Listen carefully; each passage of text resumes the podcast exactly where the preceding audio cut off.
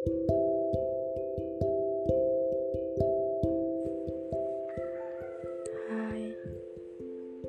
apa kabar? Pasti kamu lebih baik ya. Apalagi udah gak ada aku di hidup kamu. Kemarin aku sengaja buka blokir kamu.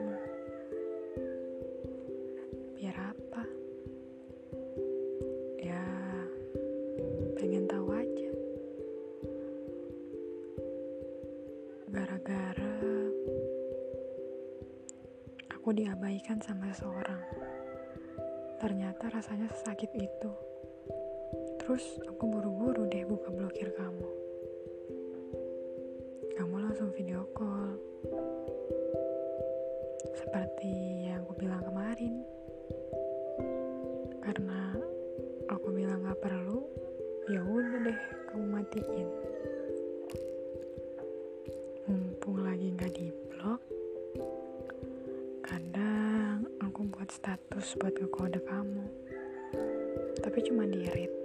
Ya mungkin memang itu cara satu-satunya biar nggak ada percakapan di antara kita. Sampai pagi, hmm, aku pantengin kamu. Kadang online, kadang enggak. Ternyata jam 11 lewat 51 kamu ngechat. Udah tidur belum? Sayangnya aku udah tidur kala itu. Aku balas pagi saat sahur. Udah.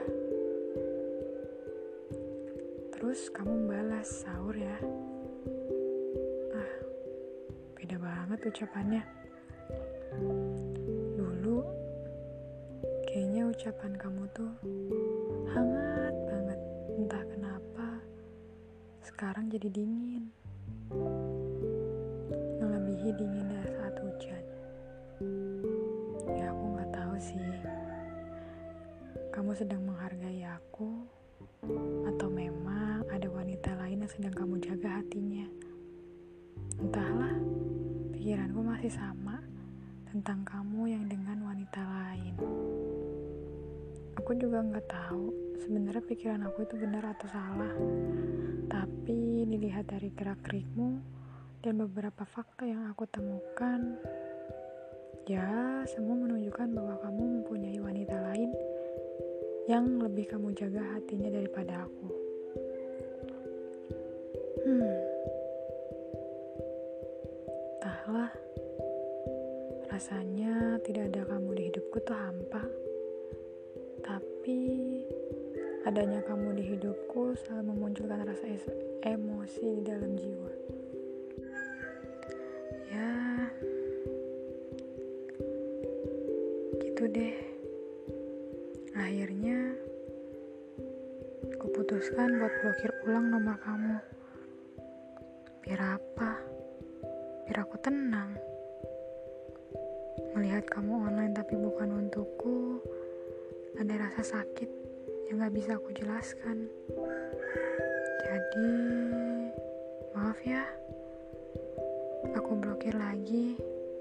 Aku masih butuh ketenangan, masih butuh waktu banyak buat netralisir semua rasa. Mungkin kapan-kapan akan aku buka ketika aku sudah tak punya rasa lagi padamu. Ketika tak ada lagi emosi yang menyertai ketika aku melihat kamu online tapi bukan untukku. Atau bahkan mungkin ketika orang lain hadir di hidupku mengganti peranmu. Selamat malam. thank you